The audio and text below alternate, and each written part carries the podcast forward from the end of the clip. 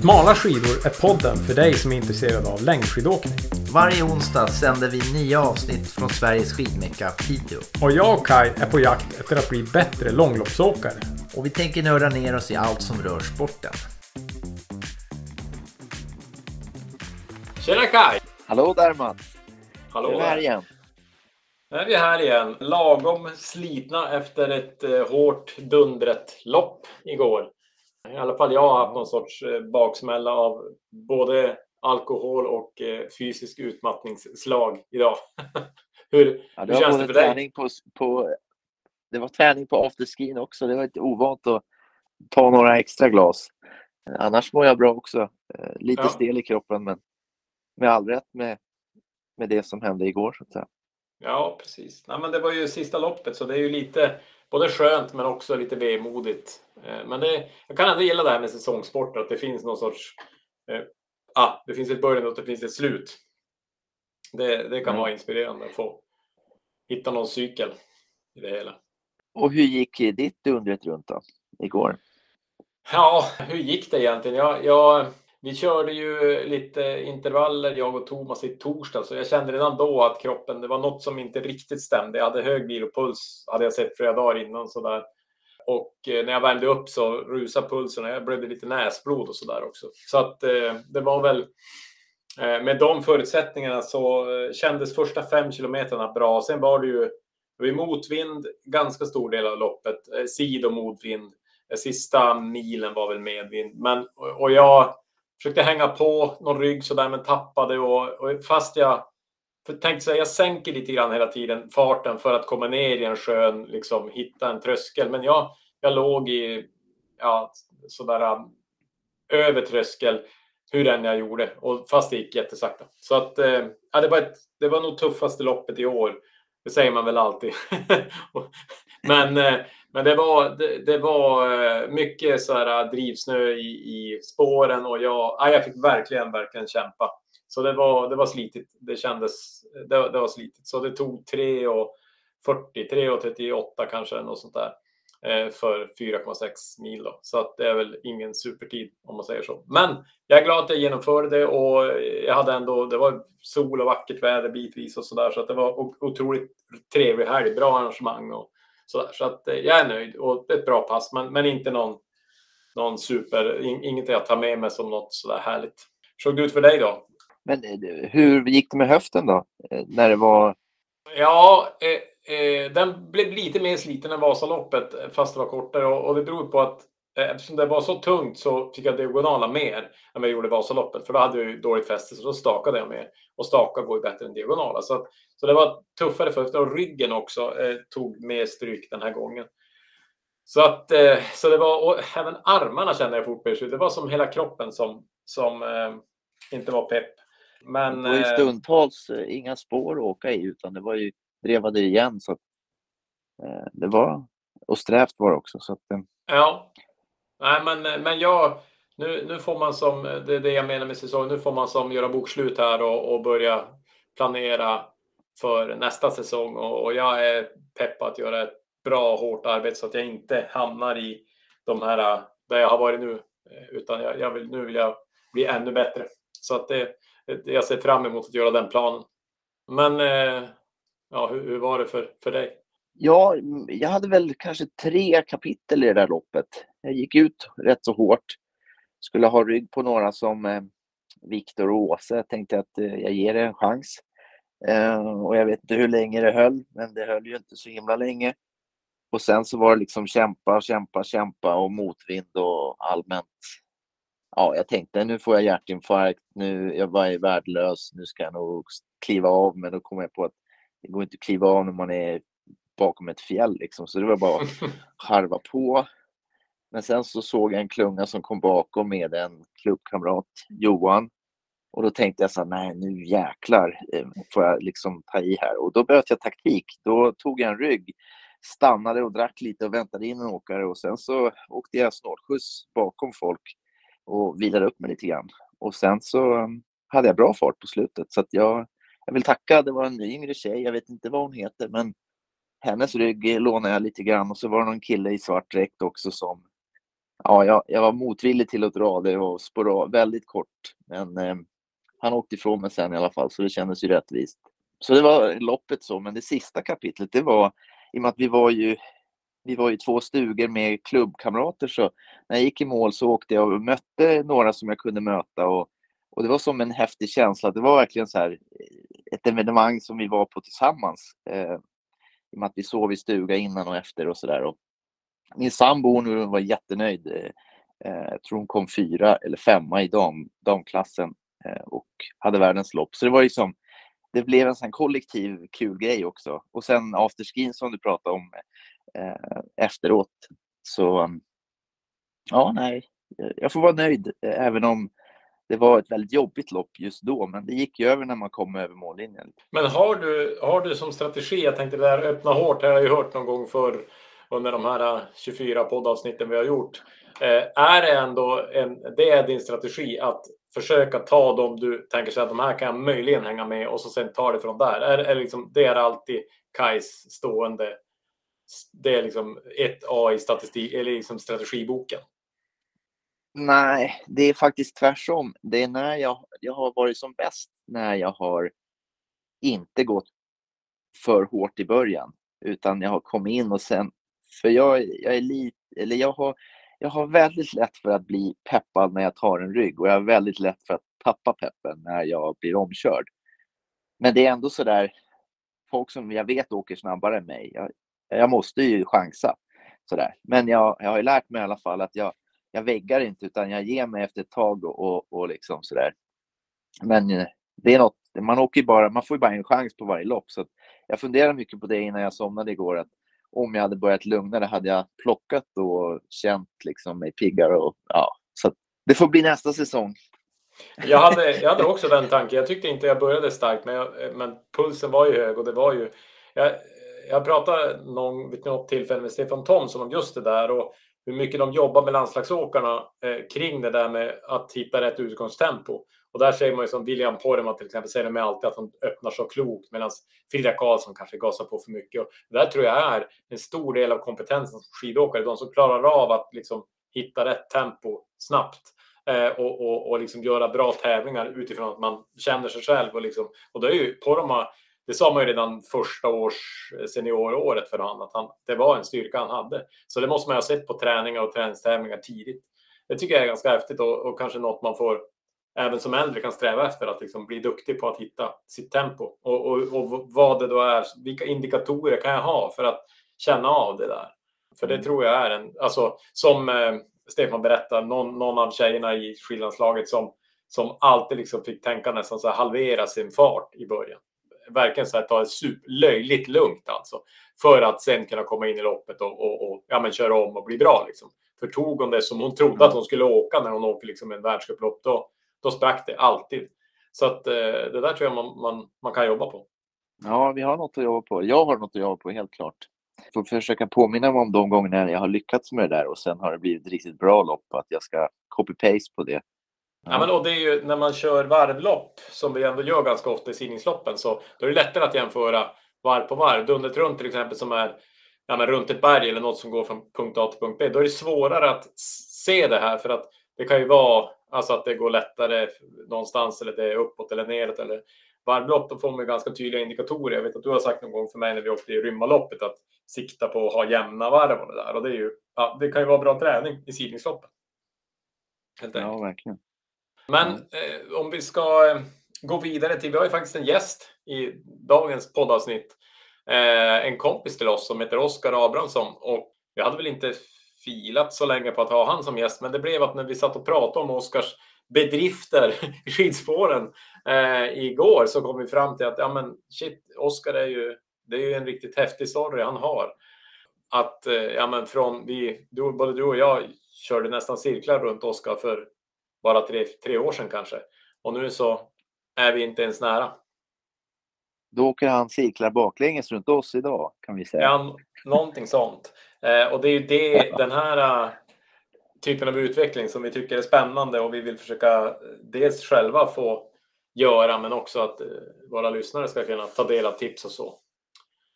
Så att vi... Sen har vi, vi, vi, har ju namedroppat Oskar en gäng gånger, men nu får ja. eh, lyssnarna höra hans röst och se att allt vi har sagt har varit mer eller mindre sant i alla fall. Ni känner han som killen som åkte sitt första lopp, eller ja, åkte Nordenskiöldsloppet med, med ovallade skins. Så, det är som bara där, det räcker. Men vi tar och eh, vi släpper in Oskar och så får, vi, eh, får ni lyssna på det och så tar vi en liten eh, utsnack efter det. Ja, men då, då hälsar vi Oskar välkomna till podden Smala skidor. Vi har ju nämnt Oskars namn tror jag i alla fall fem gånger, men kan vara mer. Mm. Och nu tänkte vi att det är dags att ta, ta tag i det här ämnet Oskar och se om vi kan eh, om, det, om det går att få ut något mer där. Ja, men tack för inbjudan. Det är kul att få vara med.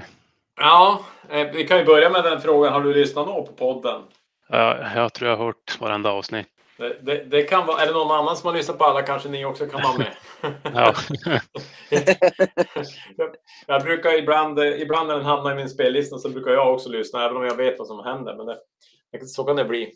Men eh, jag tänkte så här, jag, jag, vet egentligen inte svaret på den här frågan, men jag tänkte ditt skidintresse Oskar, hur gammalt är det och hur gick det till när du blev intresserad av längdskidor?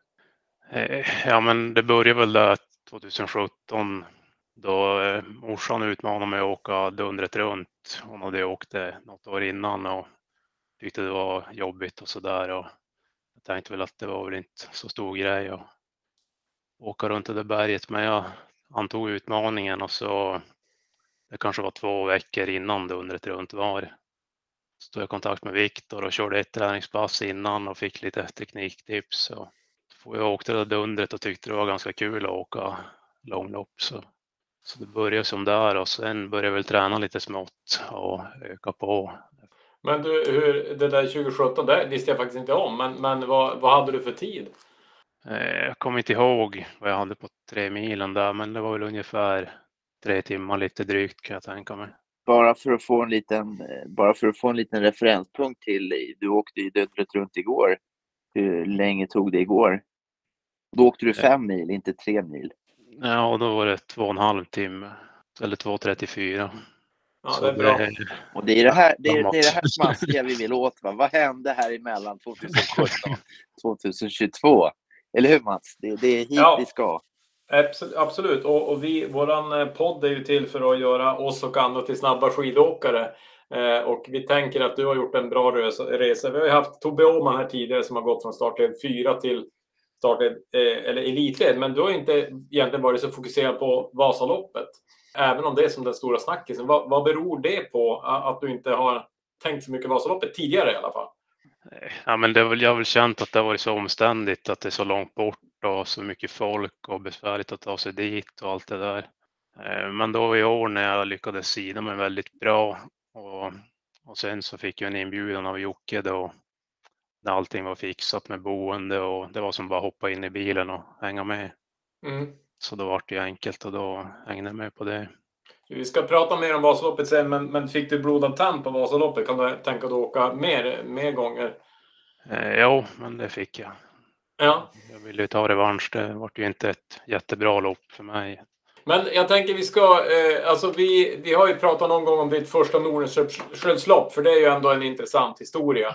Eh, och eh, vilket år var det du åkte Nordenskiöld då? Eh, det var 2019. Ja. Hur, hur, hur, såg, hur såg förberedelserna ut och, och berätta oss genom loppet också? Ja, men jag hade väl inte tränat så jättemycket före det på den tiden, då var ett vanligt träningspass på Grisberget och åka 14 kilometer ungefär. Och det kanske jag gjorde två gånger i veckan och tränade mycket crossfit och som ett komplement. Och, eller jag kommer ju som från crossfit-bakgrunden och styrketräning så det var ju mycket sånt då, istället för skidåkning.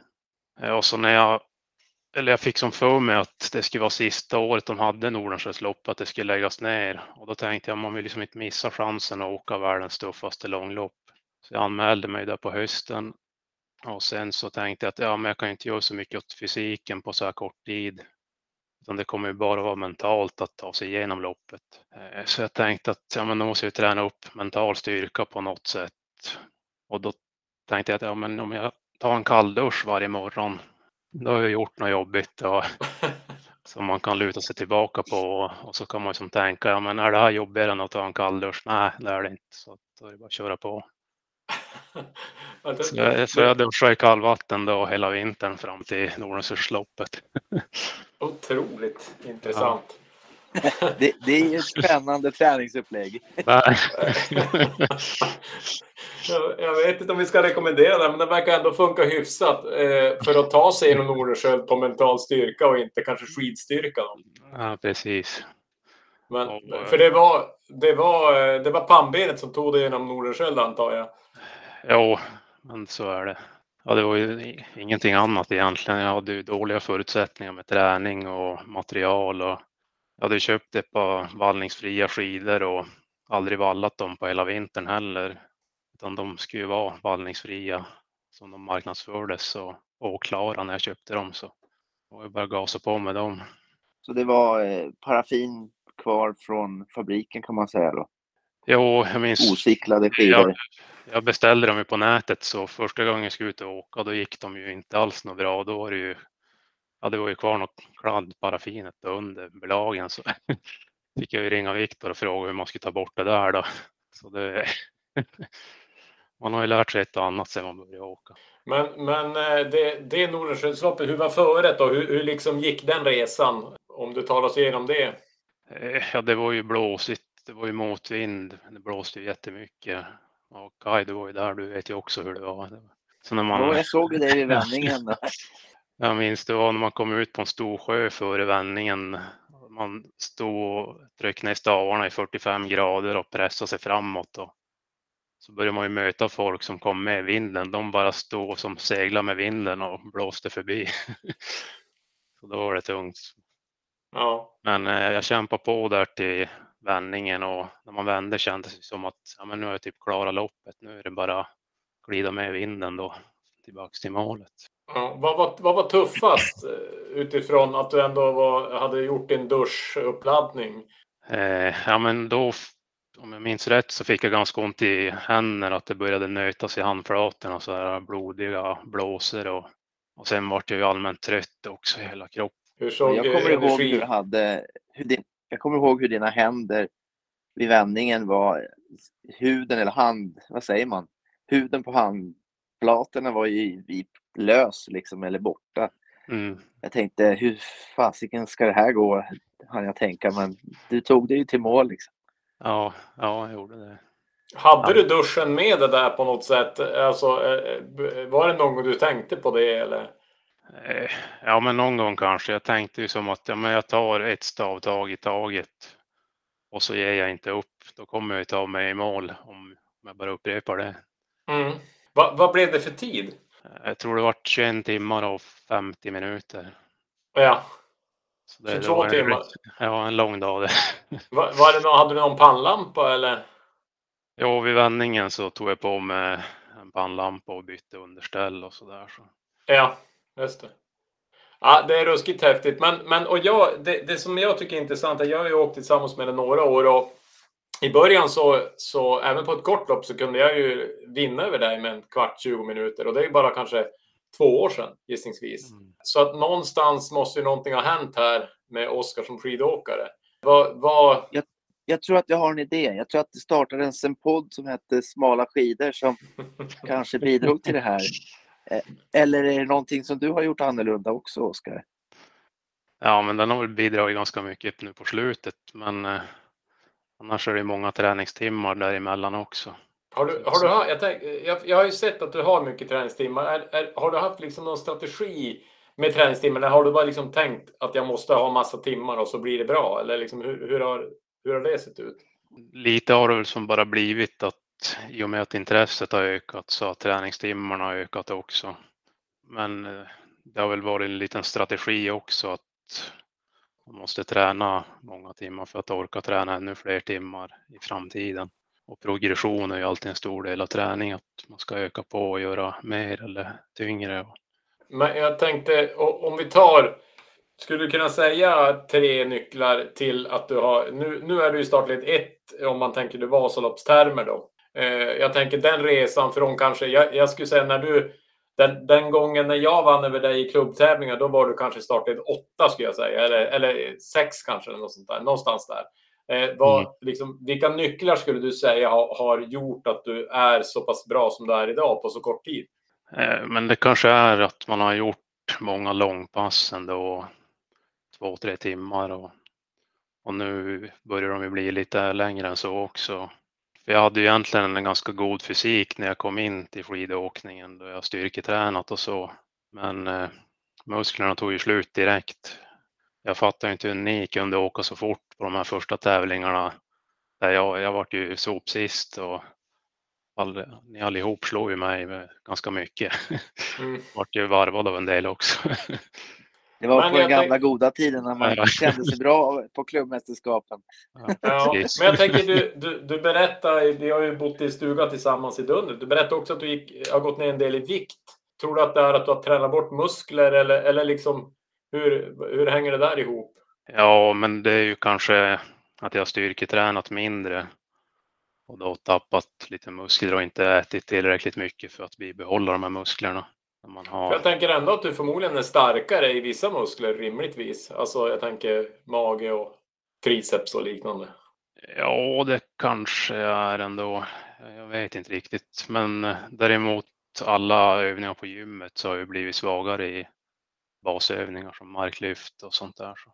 Ja, det är ju intressant. Men det går ändå rätt så bra i skidspåret om vi säger så. Ja, jag tror inte man har så stor nytta av att kunna lyfta 200 kilo i marklyft i skidspåret.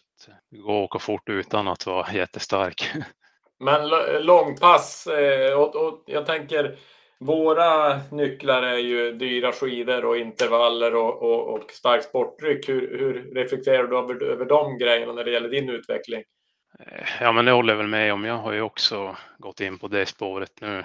Man har ju som hunnit lära sig prova köra med billiga skidor utan valla och utan sporttryck och alltihop. Och det, det går ju bättre när man är väl förberedd och har rätt material för dagen och rätt energiplan och så här. Och intervaller är ju också bra.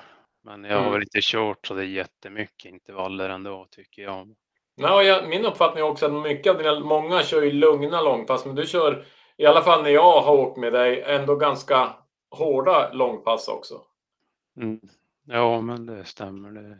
Har du liksom känt att det har gett bättre effekt än de lugna eller har det bara blivit att du vill plåga det mer eller liksom vad ligger bakom? Ja, jag vet inte riktigt. Jag har väl tyckt att det är svårt att åka så det är jättelugnt på långpassen. Det, det blir mer att man kommer in i det tempo man tycker är bekvämt och det är roligt att åka fortare istället för att hålla igen och åka jättesakta. Ja, jag förstår. Ja, men det är bra. Jag tänkte Vasaloppet eh, kan vi ju benämna eftersom många av våra lyssnare är ju eh, snarare Vasalopps eh, bakgrund än Nordenskiöld kanske. Men, men hur, hur upplevde du ditt första Vasalopp eh, från startled 1 då? Hur, hur, hur var, var det jämfört med hur du hade tänkt dig och, och vad hände där? Ja, det var ju sjukt mycket folk. Jag har typ aldrig sett så mycket människor på samma plats. Eh, men eh, annars var det väl ungefär som jag hade förväntat mig att det skulle gå väldigt fort från starten. Och det var ju riktigt full gas och full gas upp för backen där också den var ju jobbig att åka upp för. Man har ju som aldrig åkt någon sån där backe på något sidningslopp. Ja, men det fortsatte ju att gå fort uppe på myrarna och sådär och, och jag försökte hänga på och köra fort men jag fick ju kramp i magen efter halva loppet ungefär och och sen var det ju som bara skit resten av loppet då, men, men jag tog mig i mål i alla fall. Men hur, om du skulle jämföra Nordenskiöld och eh, Vasaloppet som eh, är det två helt olika grejer? Jag, jag, tänker strategi och upplägg och liksom upplevelse och allting. Ja, men jag tycker väl att de är hyfsat lika ändå. Det är ju egentligen bara ett längre lopp Nordenskiöld. Men man får väl hålla igen lite på tempot där det går ju inte, snittfarten blir ju inte samma som på Vasan. Men annars tycker jag det, det är ganska likt ändå. Och du åkte Nordenskiöld förra helgen, visst, visst blir det så? Ja. Ja. Och hur, hur gick det då? Ja, det gick ju riktigt bra tycker jag. Då åkte jag på 12 timmar och 30 minuter. Mm. Så det är ju stora framsteg jämfört med 2019. Så. Jo, nästan halverat. Ja, det är grymt. Ja. Eh, Var det förrätt och liksom vädret ungefär samma eller var det mer gynnsamt nu eller? Det var nog ungefär samma. Det var kanske blåste lite mindre, men det var ändå väldigt blåsigt. Och jag frös ju första halvan av loppet var det jättekallt. Jag fick som aldrig upp någon värme i kroppen. Så det var först efter vändningen då efter nio mil som när, när man fick medvind och gick upp för en lång brant backe som jag fick upp värmen ordentligt. Ja, och sen så, ja då var det bara att kriga sig in i mål och fortsätta staka på. Och jag blir nyfiken eh, på händerna på Nordenskiöld den här gången. Hur eh, satt huden kvar när du kom i mål? Ja, alltså nu hade jag ju frysit så mycket så att jag hade ju inte svettats en droppe så att jag hade ju som torra handskar och då vart det inga blåsor alls i händerna. Men eh, jag hade ju ont i händerna på ett annat sätt den här gången. Det var som att nerverna och lederna blev i kläm i stakningen. Så någonstans där halvvägs började det som skära som knivar i, i lederna då varje stavtag. Så det var ganska jobbigt och att det gjorde så ont varje stavtag. Men får inte tänka så mycket på det, utan det är bara fortsätta. Du tänkte Men, på har... de här kalla duscharna eller? Jag, jag tänkte också det. Har du gjort den uppladdningen den här gången någonting eller? Nej, jag har inte gjort det faktiskt. Jag har som slutat med de där kalla duscharna. Nu är det bara ibland. Nu, nu förlitade jag mig mer på min fysik och ta mig igenom loppet än min mentala styrka. Ja. Ja. ja, det var intressant att börja med den mentala styrkan måste jag säga. Den, den, ja. den, det är kanske det man skulle behöva, lite kallduschar för att mm. bli hårdare. Ja, det, det är coolt ändå. Men jag, jag tänker eh, dundret runt nu då idag. Det var ju rätt intressant att det var där du började 2017. Eh, mm. Eller i, var det igår vi åkte dundret runt? Ja. Eh, hur, hur var resan där då? Var, var det, hur gick det och hur kändes det? Ja, men jag tyckte det kändes bra ändå. Det var ju, I starten var det lite jobbigt att jag inte orkade gå med klungan som stack iväg med täten och det, jag kände lite mjölksyra lokalt i musklerna. Men sen när man kom ut på myrarna och kom in i rätt tempo eller sitt egna tempo, ja men då kändes det riktigt bra. Kände mig stark och hade bra tryck runt hela loppet. hade du, fick du dra mycket eller hade du ryggar att hålla eller liksom? Jag drog väl för det mesta och jag hade någon rygg där andra milen hade jag lite draghjälp. Men eh, sen så åkte jag ifrån de killarna och fick åka själv nästan resten av loppet. Då. Ja, bra. Eh, vad, vad, är nästa steg då för, för dig? Liksom? Nu, nu, har du, nu har du åkt ett Nordenskiöld lite bättre och du har testat Vasaloppet. Vill du liksom bli ännu snabbare eller vill du, vars, vars vill du göra skillnad nu? Hur ser planen ut? Ja, men planen är väl att bli så snabb som möjligt och se hur snabb man kan bli. Jag hade ju tänkt nu efter Nordenskiöld och där när alla loppen är slut för i år att fundera ut en träningsplan då för sommaren och hösten. Och jag vet inte om jag ska göra ett eget upplägg för hur jag ska träna eller om man ska söka hjälp utifrån och kanske kontakta något av långloppslagen här uppe och be om hjälp därifrån. Typ Team Mampa eller Kurira eller något sånt. Men, men eh, är, är, det, är, det, eh, om man säger, är, det, är det bättre tid på Nordenskiöld eller elitled i Vasaloppet eller finns det något sånt mål? Eh, ja, men elitled i Vasaloppet hade varit kul. Så det kan man väl säga är ett mål. Men eh, främst är det väl att jag vill som kunna vara med på sidningsloppen och vara med och köra om det, de lopp som går här uppe. Mm. Man är med i tätklungan och kan vara med in mot slutet och så där. Och inte att man blir avställd efter en kilometer och får harva på ett ingenmansland som, som det brukar bli. mm. Nej, men jag, och jag tänker, när det, alltså du vet ju att du kan åka 22 mil, men, men jag tänker just, är det, är det farten som är största utmaningen på simningsloppen? Alltså att, att få teknik och, och, styrka och allt det där för att, för att hålla den farten? Är det det som är största utmaningen när det gäller det? Eh, jag vet inte riktigt. Jag tror det, det är lite av allt möjligt jag behöver bli bättre på, eller allting egentligen. Jag tror väl att jag är ganska genomsnittlig på både fart och uthållighet och sådana saker, men det måste upp en nivå alltihop. Kunna hänga med. Och mm. både ja, tekniken också. Ja, det är komplext. Eh, bra. Mm. Eh, Kai, har du, har du något mer? Eh, någonting du tänker på som du vill när vi har Oskar här nu i heta stolen. Nej, jag ville ju mest bara tacka för inspirationen över alla knasigheter man fått hört att du har gjort och, och hur du liksom bara mal, mal ner allt motstånd, eh, både i skidspåret men också i ja, hur, hur eh, det är inspirerande att hänga med i, i din utveckling. Eh, det är aldrig kul att bli omåkt men eh, ja, det är ett nöje i alla fall. Eh, jag, försöker, jag försöker fuska ibland för att ha en chans på någon intervall och sådär. Eh, men ja, det är mest bara roligt. Ja, ni får ta rygg, ta, ta rygg och hänga med till elitledet nästa år. Ja, precis. Eh, det, jag och Mats har inte pratat igenom våran plan för nästa år så vi vet inte om det är ett av målen. Men vi kanske måste reda ut det Mats.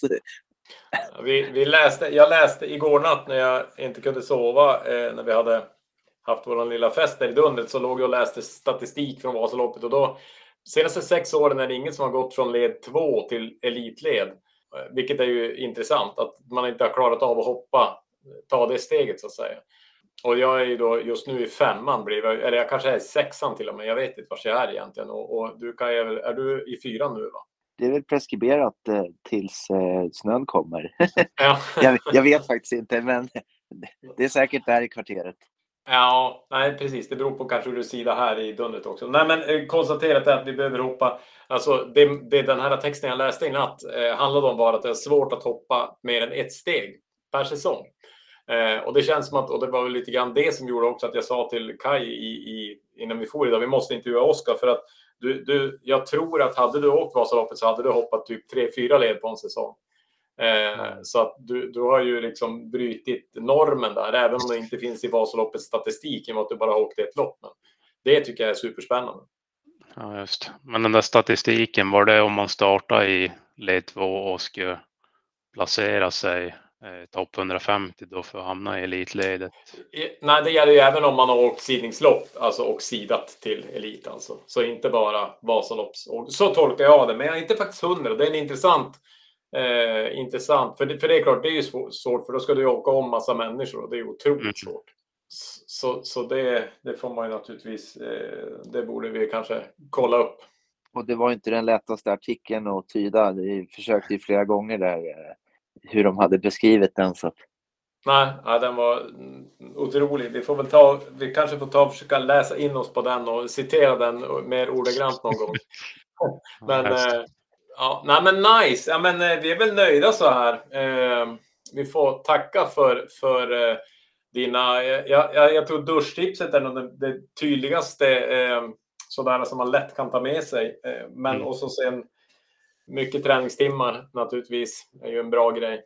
Får vi väl hjälpas åt i sommar och bli bättre från de nivåer vi är. Ja, men det måste vi göra. Vi, vi, ska, vi ska väl... Eh, Ja, men vi säger tack till dig Oskar och så eh, hörs vi av en annan gång. Tack själva. Ja, Kul ha det gott.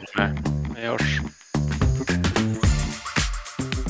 Ja, det var Oskar Abrahamsson. Intressant att höra hans story om, eh, kring skidloppet och eh, intressant att se om man kan ta sig till elitled då, så småningom. Ja, rätt stor eh. chans skulle jag tro, så som jag känner Oskar. Ja, jag tror det också. Jag, jag, jag tänkte på det. Vi kanske inte fick de här tre nycklarna som vi, som vi ja, men hade fått. Men jag tänker att det här med tid som vi har pratat om mycket tror jag är en, en nyckel. För han pratar ju om att liksom köra mycket pass och långa pass. Och det är klart, har man inte barn och familj på samma sätt som andra kanske har, så där har du ju en nyckel naturligtvis. Som vi kanske inte pratar om så mycket eh, i intervjun. Men, men det är ju klart, det är ju, det är ju eh, den här balansen som man behöver ha på något sätt. Eh, men sen också motivation tänker jag. Eh, är ju, det är väldigt olika vad alla har för motivation. Men det, det driver ju så att säga att man vill träna. Ja, han har ju, han, han, Oskar har ju verkligen lusten att vilja bli bättre. Och det, är mm. ju, det drivet gör ju att man både ja, lär sig om allt möjligt eh, och förbättrar och tweakar och sådär. Men tid, Nej, men både då... att träna men också ha tid som du sa, att att ha tid i sitt liv till träningen. Eh, är livet redan fullt och det är svårt att klämma in fyra timmars långpass. Ja, nej, men och, och, och, också att kunna träna på bra tider. Man, ibland ser man ju Oskar på dagtid på, han driver ju eget och kan ju ändå styra lite grann. Eh, så att bara, bara liksom att kunna planera in det och få bra återhämtning tror jag också är viktigt. Och det jag tycker är kul också är att eh, Oskar har, det blir så tydligt att vissa blir bra på skidor för att de var, åkte skidor när de var barn. Mm. Och sen har de inte åkt skidor på 20-25 år och sen så, så de har det i kroppen på något vis. Eh, men Oskar är beviset på att man kan ju åka, ta sig till startled 1 utan att ha den liksom, eh, teknik eller rörelsemönstren i kroppen. Ja, så det, Ja, nej, men inspirerande det jag. där, de, eh, de har ju pratat lite grann om det där i Vasapodden och, och eh, just på tal om våran förra veckans gäst, eh, Team Stordunk, så eh, man kan väl säga att Oskar är en stordunkare Eh, som, som eh, bygger hela sin... Han, eh, på vår träningsgrupp när det ska pratas eh, diagonal, då, då, då tar han ju på sig ett par lurar och går därifrån. Eh, även om tränaren säger ta med er fästesskidor så eh, han är ju helt världsfrånvänd när det gäller att ha fäste.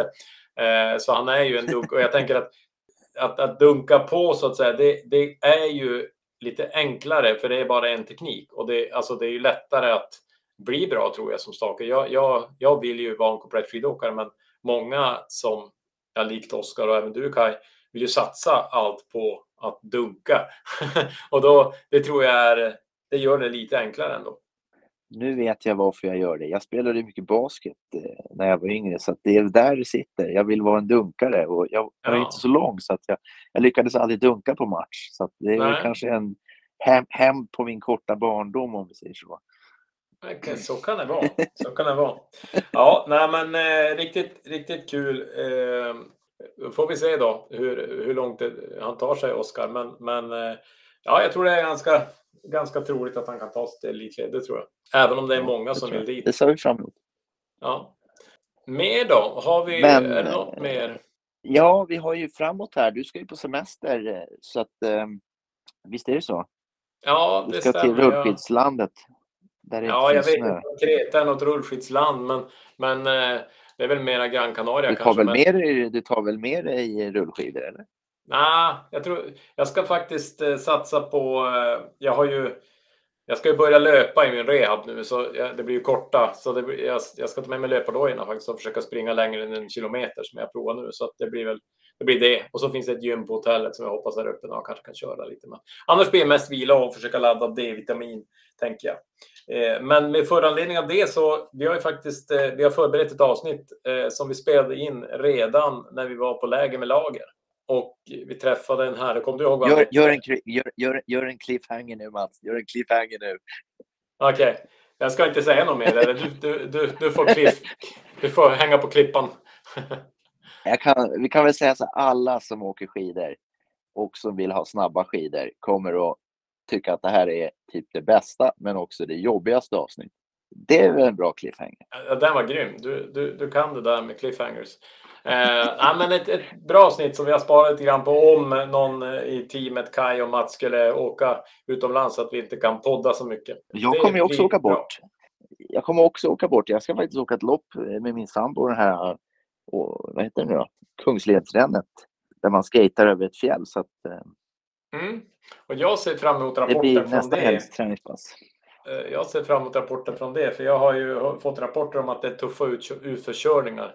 Eh, Framförallt uppför är ju tufft, men det är ju, det är ju inte svårt kanske, utan bara jobbigt. Men just skoterspår och 70 kilometer har jag hört talas om. Så det blir roligt att höra hur, hur ni klarar det Ja, och, tillsammans. och väderprognosen är snöstorm eh, just nu när vi kollade senast. Så att, det- vi får se om vi får gräva ner oss i någon eh, bivackpåse eller något. Eh, för att, ja, det, det blir ett äventyr. Vi får väl se om det blir något mer poddande efter det här eller om man kommer hem i likpåse. Jag vet inte. Ja, nej, nu, nu, nu får du lugna ner dig Kaj. Eh, det ska vi inte ha. Men det känns som att, att åtminstone Liv, jag såg hon gå gick omkring barfota i snön i Dunnet idag. Så det känns som att hon är en, en hårding som klarar det mesta. Så att eh, det, det blir nog ditt pannben som provas mest, eller vad tror du? Ja, det, så är det nog. Mitt pannben är nog svagare än min sambos, helt klart. Ja, Hon har ju hållit upp med mig i starkare 25 skidåkare år, kanske, så. Att, ja. ja, exakt. Nej, Jag tänker att, att eh, du kanske är en lite starkare skidåkare, så det kanske jämnar, jämnar ut sig då. Eh, Hon får gå på pannben och du på styrka och så kommer ni i mål samtidigt. Ja, man får ha, eh, man ska ju ha lina i materialet med sig så att man får faktiskt dra varandra. Ja, det. Och det kan vara bra uppför. Så man inte kommer ifrån varandra också om det blir snöstorm och sådär. Ja, men precis. Ja, det ska bli spännande Men att höra. det är ett men- äventyr. Bra, men med det sagt så, så tror jag vi lämnar eh, det här poddavsnittet. Och jo, men en sak till förresten. Vi, vi uppmanade ju förra gången på Instagram att skriva roliga träningspass. Jag tror det här kom bort lite grann. Men vi är fortfarande intresserade av eh, roliga träningspass. Det är lite grann det vi drivs av. Så har ni tips på bra intervaller eller liksom eh, tävlingar, lekar, allt som kan göra träningen roligare så skriv eh, meddelande till oss eller skriv i någon kommentar någonstans. Vi ska uppmana till det också. Eh, Vi har inte gjort det, men, men så får vi in lite poddmaterial också med lite kul träningsform. Det gillar vi. Det var bra. Bra att du kommer ihåg det. Ja, nej, men då Mm. säger vi tack och bock. Och, eller vill du säga något mer Kaj? Nej, det, det blir bra så. Eh, smala skidor på Instagram, det har jag lärt mig. Ja. Gilla och dela och kommentera och allt sånt där. Tack och bock och ha det gott allihopa.